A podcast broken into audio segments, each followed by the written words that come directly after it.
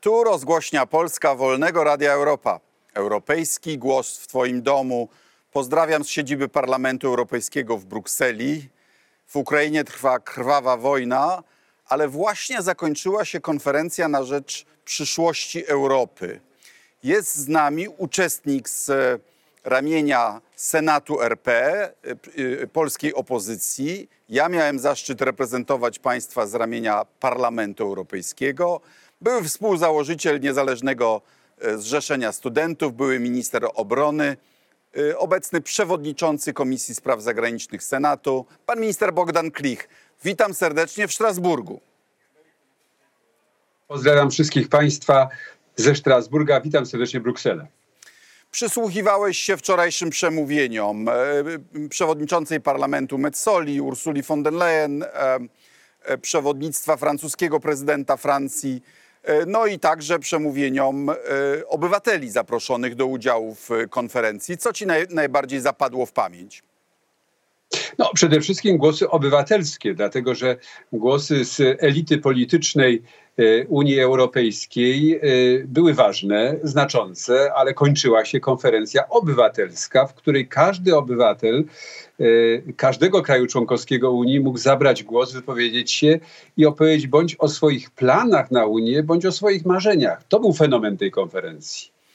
E, Była debata w e, Strasburgu w zeszłym tygodniu, w której brałem udział. Nacjonalistyczna strona zarzucała, że o, to dobrali sobie federalistów, ale de facto e, tych obywateli niewybranych e, e, po to, żeby, żeby był taki właśnie zewnętrzny głos, dobrała firma Eurobarometr, która e, zrobiła to po to, żeby ci obywatele byli w miarę reprezentatywni pod względem i miejsca zamieszkania, i wieku, i y, zawodów i tak dalej. Taki był zamysł konferencji, prawda? Więc chyba zarzuty y, nacjonalistycznej sporu, y, strony sporu trochę trafiają kulą w płot, prawda? No, z, oczywiście, że tak. Zwłaszcza, że po raz pierwszy eksperymentalnie została stworzona platforma cyfrowa, na, której każdy mógł, na którą każdy mógł wejść, wypowiedzieć się, podyskutować z innym i było, były setki takich e, organizacji, które z tego prawa skorzystały. E, I tysiące takich głosów, które opowiadały o tym, jak wyobrażają sobie przyszłość e, procesu No wręcz integracji setki europejskiej. tysięcy, pół, pół miliona komentarzy ponad. No, to y, y, gigantyczna debata, która odbywała się w czasie wyjątkowo trudnym, bo w okresie pandemii, kiedy rzeczywiście trudniej było zorganizować spotkanie na miejscu, a znacznie łatwiej było wejść y, poprzez łącze internetowe. I jeszcze raz, tysiące obywateli Unii Europejskiej i tysiące organizacji pozarządowych zajmujących się sprawami międzynarodowymi z tego prawa skorzystało. Szkoda, że Polaków było tak mało. Ale mamy pandemię i mamy wojnę, i, i chyba to dla mnie nie jest dziwotą, że jednak większość komentarzy było za tym, żeby Unia więcej w dziedzinie i zdrowia, i polityki zagranicznej oraz bezpieczeństwa, żeby Unia więcej robiła, prawda? No bo generalnie obywatele Unii Europejskiej, y, jeśli Unia ma y, istnieć, to chcą więcej Europy, chcą więcej Unii Europejskiej. To jest troszkę inaczej niż było jeszcze 20 lat temu, kiedy pracował konwent pod przewodnictwem Valerego Giscarda d'Estaing i kiedy mówiło się o tym, że więcej Europy powinno być wszędzie. Nie, tym razem obywatele są ostrożniejsi y, po odrzuceniu tamtej konstytucji w referendach y, w Holandii, we Francji mówią, chcemy więcej Europy, ale w wybranych dziedzinach. I te dwie, o których wspomniałeś, to znaczy y, mm, zdrowie oraz y, obronność i bezpieczeństwo, należą do absolutnie priorytetowych, gdzie znaczna większość Europejczyków widzi więcej Europy. Partia, którą reprezentujemy, Europejska Partia Ludowa, zaproponowała, aby stworzyć urząd komisarza do spraw e, obronności, aby stworzyć europejskie połączone dowództwo, aby zwiększyć budżet obronny i aby stworzyć wreszcie obiecane już jeszcze podczas wojen e, na Bałkanach e, siły szybkiego reagowania z prawdziwego zdarzenia, takich, których naprawdę można by użyć w odróżnieniu od grup bojowych, które chyba okazały się niewypałem, prawda? No tak, bo w tej chwili y, kompetencje y, w dziedzinie bezpieczeństwa zewnętrznego i wewnętrznego są podzielone pomiędzy kilku komisarzy. Y, Dwóch spośród nich y, jest odpowiedzialnych za coś, co jeszcze nie powstało, mianowicie za stworzenie y, Unii Obronnej, a drugi za stworzenie Unii Bezpieczeństwa. Jednej zwróconej na zewnątrz, drugiej zwróconej do środka. Jednej gwarantującej większe zdolności Unii Europejskiej w obronie swoich granic, a drugiej zapewnienie bezpieczeństwa wewnętrznego na, na terenie wspólnoty. No więc y, dlaczego ich nie połączyć w jedną całość? Dlaczego nie powinno być jednego komisarza, komisarza za to odpowiedzialnego? Uważam, że to jest bardzo dobre rozwiązanie. Pozostałe zresztą tak, te, które wymieniłeś i nie tylko te, bo w raporcie, o którym wczoraj dyskutowa- który był wczoraj prezentowany, znalazły się także inne pomysły. Y, Ty i ja byliśmy zwolennikami i uczestnictwa Polski w Eurokorpusie, i wzmocnionej współpracy. Powstał wreszcie budżet obronny Unii Europejskiej, ale mikroskopijny, tylko 7 miliardów euro na 7 lat dla całego kontynentu, ale użyteczny, bo połowa z niego jest, ma być wydana na mobilność wojskową, wzmocnienie mostów na przykład, tak aby y, czołgi mogły się y, wewnątrz Unii, tam gdzie są potrzebne, przemieszczać. Ale wiesz, ja sobie od paru lat y, zadawałem pytanie, jaka, y, jakie nieszczęście musi się zdarzyć na y, obrzeżach Unii Europejskiej, żeby przywódcy Unii wreszcie potraktowali ten postulat ludu europejskiego, żeby Unia się na, po, na poważnie zaczęła obronnością. No i mamy wojnie, w Ukra- wojnę w Ukrainie, ale ja nadal nie widzę, żeby, żeby oni to na poważnie traktowali. Znaczy, wiesz, nadal nie jest realizowany traktat lizboński. Znaczy, tam, było, tam jest powiedziane, czarno na białym, że polityka zagraniczna i obronna mają być formułowane wspólnie. Że y, miejscem, gdzie się ucierają interesy narodowe, ma być Rada do Spraw e, Zagranicznych i Bezpieczeństwa, a potem wysoki przedstawiciel ma to reprezentować wobec Putina, Xi Jinpinga czy kogokolwiek, tak? A oni wszyscy na boku sami dzwonią do tego Putina. No to jest złamanie traktatu. No, zachęcaliśmy obaj e, naszych e, kolegów, ministrów spraw zagranicznych i obrony e, przed laty do tego, żeby poszli dalej i widzieli na większą odległość, jeśli chodzi o sprawy obronności i bezpieczeństwa Unii Europejskiej, ale zawsze coś przeszkadzało. Albo to był kryzys finansowy, albo to, była, to był brak woli politycznej. Mnie się w tej, wydaje, że w tej chwili jest taka szczelina możliwości, która się otworzyła w związku z tym, że wszyscy widzą, co się dzieje w Ukrainie. Wszyscy widzą, że oto e, za naszą e, wschodnią granicą Unii Europejskiej odbywa się straszna wojna. Więc chyba jest możliwość wzmocnienia tych mechanizmów, które są zapisane w traktacie lizbońskim oraz stworzenia nowych rozwiązań. Ja w to wierzę i uważam, że jeżeli tylko to, po, to nowe podejście zagwarantowałoby po pierwsze uznawanie y, mm, y, przywódczej roli Stanów Zjednoczonych, y, y, która się znów odbudowała w ciągu ostatniego czasu oraz dobrą współpracę z NATO, dobrą współpracę z NATO, to warto w to inwestować, warto w tym kierunku iść i warto to wspierać, byleby to nie było kolejne pisanie strategii, map drogowych, papierów, y, rozwiązań, tylko rzeczywiście równym krokiem do przodu, ale realnym krokiem do przodu. A, rola Stanów Zjednoczonych to jest y, kolejny ciekawy temat, e, y, bo tak naprawdę mamy y, szczęście, że w Białym Domu zasiada Joe Biden i że, Oczywiście. i że, i że, i że słabo mu poszło podczas wycofywania e, w, w Afganistanie i w związku z tym dał przywództwo w sprawie Ukrainy, ale wcale nie musiał, prawda? Ukraina nie jest sojusznikiem. Więc... Ale też, Radku, co doskonale y, y, wiesz, o czym doskonale wiesz, co obserwujesz od środka, po raz pierwszy zdarzyło się tak, że dyplomacja amerykańska uznała Unię Europejską jako całość, tak. jako partnera w kwestiach bezpieczeństwa, w tych najbardziej wrażliwych kwestiach bezpieczeństwa. Mamy tego dowody, chociażby wprowadzenie Stanów Zjednoczonych do mechanizmu PESCO. Amerykanie tam się znaleźli, a przecież przecież to mechanizm czysto europejski. E, jeśli chodzi o NATO, to przecież przez długie, długie lata mm, obowiązywała zasada z początku mm, tego stulecia, gdzie była mowa o tym, że Y, tylko wtedy, kiedy Amerykanie nie są zainteresowani i NATO nie jest zainteresowane prowadzeniem misji zagranicznych, to wtedy Unia to może robić. Ale to były wyłącznie porozumienia o charakterze politycznym. A tu mamy w tej chwili możliwość stworzenia instytucjonalnej więzi pomiędzy dwoma częściami, dwiema częściami Brukseli. Mam na myśli tą częścią natowską i częścią unijną. Coś się zmienia w tym zakresie i uważam, że to są takie tendencje, które trzeba mocno mocno wspierać. Byłem w Waszyngtonie dwa razy w ostatnich kilku tygodniach i rzeczywiście nigdy przedtem nie, nie słyszałem tylu ciepłych słów e, na temat sprawczości Unii Europejskiej. E, na nich e, wywarły wrażenie nasze sankcje. To, że w 36 godzin uzgodniliśmy na przykład zamrożenie rezerw walutowych rosyjskich i całe te kolejne pakiety, to wywarło na Amerykanach wrażenie, że Unia jednak coś może.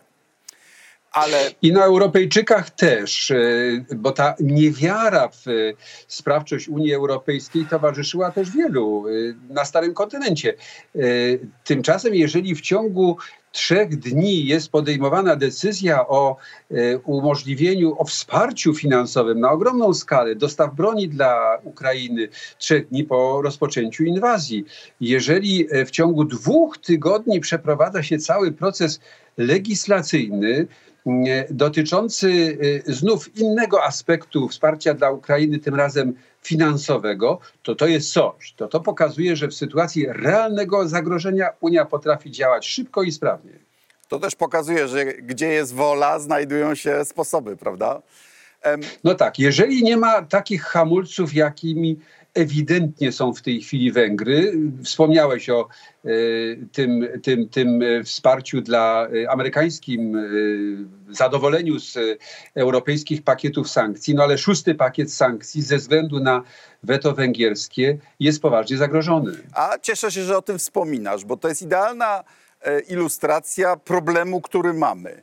Naszym nacjonalistom się wydaje, że jak mamy prawo weta, jak wszystkie decyzje muszą zapaść e, jednomyślnie, no to jest takie fajne, można mieć ten kij, który wszystkim innym można e, wsuwać w szprychy i wtedy cała Europa musi pielgrzymować do Morawieckiego albo Kaczyńskiego, żeby zmienili zdanie. Ale tu się okazuje, że Orban może, głos, e, może wetować sankcje na Rosję, tak jak poprzednio Cypr je wstrzymywał jeszcze te sankcje krymskie, prawda? No i w związku z tym y, pytanie, czy popierasz stanowisko premiera Włoch, który w zeszłym roku, w zeszłym tygodniu w Strasburgu, y, byłem na sali, skłonił się ku głosowaniu w Radzie do Spraw Zagranicznych i Bezpieczeństwa większością kwalifikowaną, podwójną, czyli większość państw reprezentująca 60 czy 65% ludności. Co ty na to? To jest też także. To jest temat do dyskusji. To jest te, też jedna z propozycji e, konferencji, prawda? To jest jedna z propozycji konferencji. Tak to widzą Euro, y, obywatele Europy. Obywatele Europy chcą rzeczywiście tego, żeby Także w tej dziedzinie e, było głosowanie większością kwalifikowaną, a nie jednomyślność.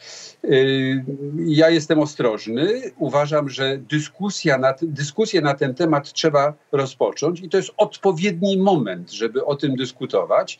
Wczoraj prezydent Macron też się do tego e, też o tym wspominał. Z różnych miejsc takie głosy płyną. Jeżeli jednomyślność miałaby być zastąpiona większością e, w, tej dziedzinie wspólnej polityki zagranicznej i bezpieczeństwa, to, to musiałoby być obwarunkowane jeszcze dodatkowymi, dodatkowymi mechanizmami zabezpieczającymi. Taki jest mój pogląd na dzisiaj. ale cieszę się z tego, że dyskusja o tym się rozpoczęła, bo o tym trzeba dyskutować. No ja mam inny problem. To znaczy, dopóty, dopóki Niemcy nie wyrwały się ze swojego poczucia bycia w, e, już ponad użycie siły e, i, i, i, nie zrewidowały tak dogłębnie i przekonująco swojej polityki wobec Rosji, no to wiemy, że Niemcom jest łatwiej znaleźć koalicję blokującą niż jakiemukolwiek innemu państwu. I to, jest w, I to jest w dobie wojny rosyjskiej przeciwko Ukrainie realny problem, prawda? No tak, ale ten mechanizm może działać także w odwrotnym e, kierunku. E, może tak się e, wydarzyć za jakiś czas, że wydarzenia na Ukrainie zostaną dla wielu krajów południowej flanki Unii Europejskiej przyćmione przez to, co się dzieje, cały czas dzieje się w Sahelu, no bo jednak Sahel jest bliższy czy to Francuzom, czy Włochom. Czy ja nie chcę powiedzieć, że prezydent Macron czy premier Włoch zachowują się nielojalnie, jeżeli chodzi o sytuację w Ukrainie, bo zachowują się znakomicie. Zachowują się znakomicie. Nie dalej jak wczoraj Macron w budynku Parlamentu Europejskiego mówił o tym, że y, kraje wschodniej flanki, czyli takie jak Polska, wschodniej flanki Unii Europejskiej, muszą być wspierane przez pozostałych, dlatego że one doświadczają zagrożeń bezpośrednich dla swojego bezpieczeństwa. Y, ucieszyły te słowa, bo jednak Francuzi bardziej patrzyli przez lata na południe aniżeli na wschód. No a wyobraźmy sobie, jakie słowa padłyby z ust prezydenta Francji właśnie o tym, gdyby tym prezydentem przemawiającym wczoraj była Marine Le Pen. No, myślę sobie, że wtedy e, mielibyśmy początek rozkładu Unii Europejskiej i bardzo trudno byłoby ten proces powstrzymać. Ja nie rozumiem naszych nacjonalistów. Jak oni mogą tego nie widzieć? Że Le Pen, sojuszniczka Putina, która uważa, że Ukraina jest w rosyjskiej strefie wpływów, byłaby dla Polski katastrofą. Ja myślę sobie, że to y, wynika z y, absolut, absolutnej obrotowości tego środowiska, które jest u nas y, w Polsce przy władzy, to znaczy takiego cynicznego podejścia do polityki, gdzie wartości nie mają żadnego znaczenia, liczy się efekt krótkoterminowy. W tym wypadku y, Marine Le Pen i Viktor Orban jako główni sojusznicy w demontowaniu konstrukcji europejskiej, w podważaniu jej fundamentów, obawiam się, że będą jeszcze wracać w przyszłości. Na razie ta sympatia została zawieszona, bo y, no, trudno było no, ale... pokazać zywać się na salonach z Viktorem Orbanem czy Marine Le Pen, które, którzy otwarcie przeciwstawiają się wspólnej polityce wspierania Ukrainy. Ale to oznacza, ja się z Tobą zgadzam, że oni się bardziej boją zdolności Brukseli do powstrzymywania ich autorytarnych zapędów niż Putina. Nie wiem, czego się bardziej boją, ale w każdym razie, jeżeli chodzi o Unię Europejską, to Unię, która broni swoich wartości, między innymi praworządności, praworządności wszędzie i dla wszystkich, to na pewno jest dla y, rządzącego PiSu w Polsce y, wielkim zagrożeniem i powodem do tego, żeby tę y, Unię rozmontowywać. Zmierzając ku końcowi, powiedz, bo e, jesteś przedstawicielem e, jednego z parlamentów, naszego parlamentu. Co teraz się stanie z tymi propozycjami, zarówno tymi takimi postulatami, jak i propozycjami quasi konstytucyjnymi? One trafią do, y, do ciebie, do was, do Parlamentu Europejskiego, który będzie przyjmował, mam nadzieję, że przyjmie obiecaną wczoraj przez e, przewodniczącą Metzole rezolucję. Ta rezolucja miałaby wzywać do stworzenia konwentu, konwentu czy konwencji, różnie to nazywamy, e, która by już w sposób e, polityczny zajęła się zgłoszonymi przez obywateli propozycjami i one miałyby doprowadzić do jakiejś propozycji zmian albo y, wzmocnienia istniejących polityk w Unii Europejskiej, albo zmian traktatowych, bo niektóre propozycje musiałyby takie zmiany traktatowe wprowadzić. Y, Więc y, przed nami konwencja. Mam nadzieję, że ona zostanie zwołana. Prezydent Macron w imieniu prezydencji francuskiej opowiedział się też jednoznacznie za zwołaniem tej konwencji. Ursula von der Leyen powiedziała natomiast dwie rzeczy bardzo istotne. Po pierwsze, że w ciągu miesiąca Komisja Europejska odniesie się do tych propozycji obywatelskich. To ważne, bo to może być. y, To mogą być takie y, jeszcze mm, nie do końca precyzyjne pomysły, w jaki sposób zagospodarować przynajmniej niektóre spośród tych idei.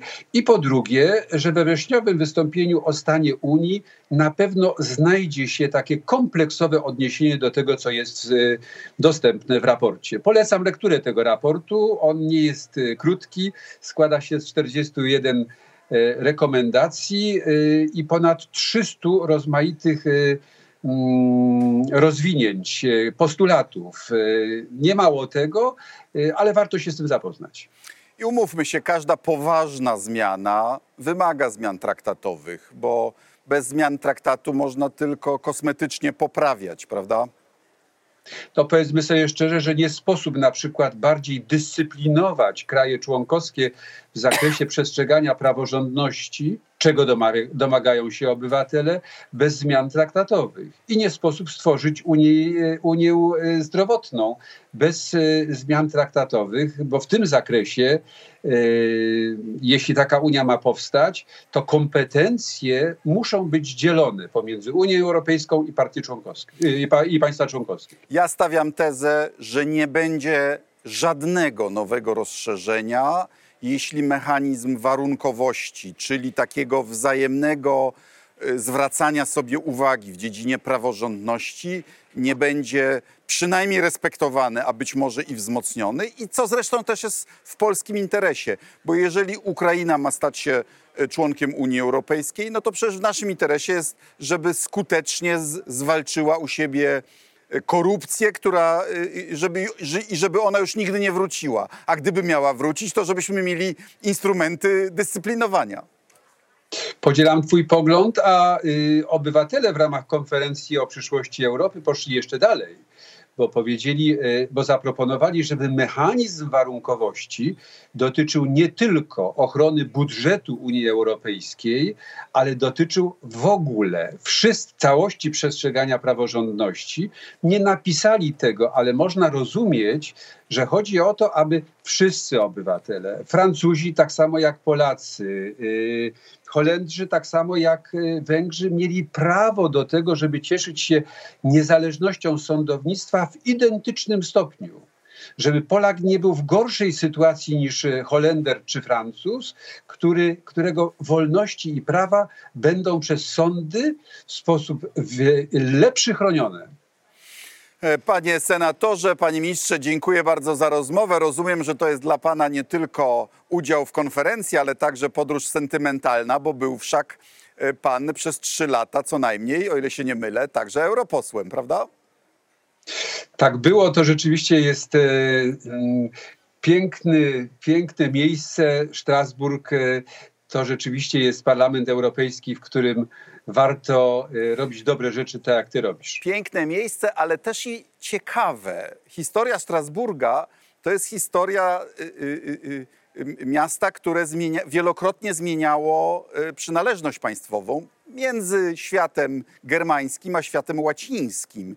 I w tym sensie to, że tam jest Parlament Europejski ma swój sens, bo, bo to jest przezwyciężenie tej złej historii, prawda? No, taki e, zresztą był pomysł e, ojców założycieli wspólnot europejskich, żeby tu utworzyć jedną ze stolic wspólnot, wspólnot i pokazać, że to miasto, które było na skrzyżowaniu szlaków jeszcze w czasach rzymskich, jest w dalszym ciągu skrzyżowaniem różnych dróg, które prowadzą do jedności europejskiej. Na tym polegał ten pomysł. Dziękuję bardzo za udział w konferencji, dziękuję za y, udział w Wolnym Radiu Europa. Dziękuję. Dziękuję Państwu, do następnego odcinku.